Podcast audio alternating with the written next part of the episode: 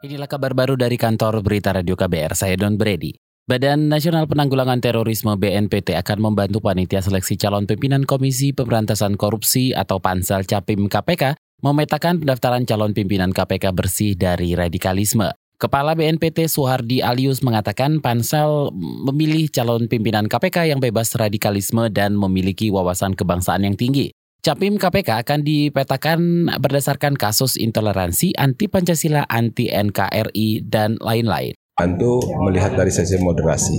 Kita ingin dapat pemimpin pemimpin-pemimpin yang punya akhlakul karimah pasti, yang baik tapi juga punya wawasan kebangsaan yang cukup gitu. Karena mempertahankan Indonesia dengan berbagai macam ragam ini kan nggak mudah.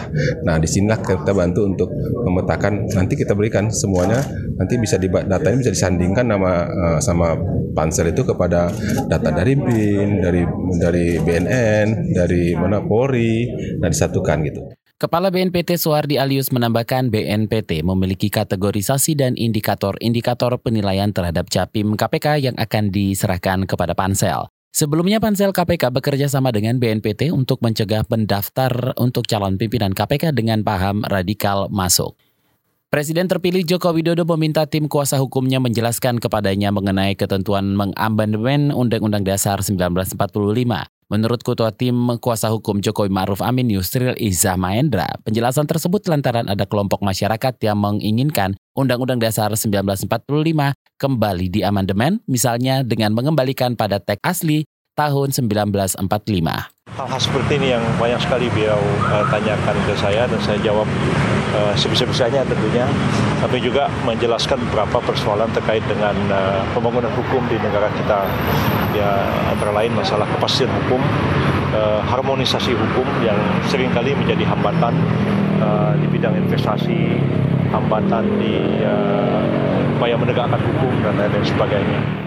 Ketua Tim Kuasa Hukum Jokowi Maruf Amin Yusri Eliza Mahendra menambahkan Jokowi banyak bertanya mengenai konsekuensinya mengamandemen Undang-Undang 1945 terhadap hukum di Indonesia. Selain Undang-Undang 1945, Jokowi juga membahas penegakan hukum secara umum karena Presiden terpilih Jokowi ingin membangun hukum dan membuat perbaikan pada sistem bernegara. Komisi Pengawas Persaingan Usaha KPPU meminta agar Direktur Utama PT Garuda Indonesia Ari Askara mundur sebagai Komisaris Utama Sriwijaya Group. Deputi Jasa Keuangan Survei dan Konsultasi Kementerian BUMN Gatot Trihargo menyebut akan menghormati keputusan KPPU tersebut terkait rangkap jabatan yang dilakukan Ari Askara. Jadi untuk yang Pak Arya sekarang yang di uh, Sriwijaya kita kita ganti. Diganti Pak. Ganti, ganti, ganti, ganti. Enggak di komisar kan beliau sebagai merangkap di komisaris utama. Iya. Di Sriwijaya. Jadi diganti di, di Sriwijaya. Deputi Jasa Keuangan Survei dan Konsultasi Kementerian BUMN Gatot Trihargo menambahkan tidak ada aturan yang melarang rangkap jabatan dalam sebuah perusahaan. Namun jika rangkap jabatan itu bisa mempengaruhi persaingan bisnis, maka penggantian pimpinan lebih baik dilakukan. Sebelumnya disinyalir praktik rangkap jabatan yang Ari lakukan melanggar undang-undang tentang larangan monopoli dan praktek persaingan usaha tidak sehat. KPPU juga memberi sanksi kepada Ari Aksara sebesar maksimal 25 miliar rupiah.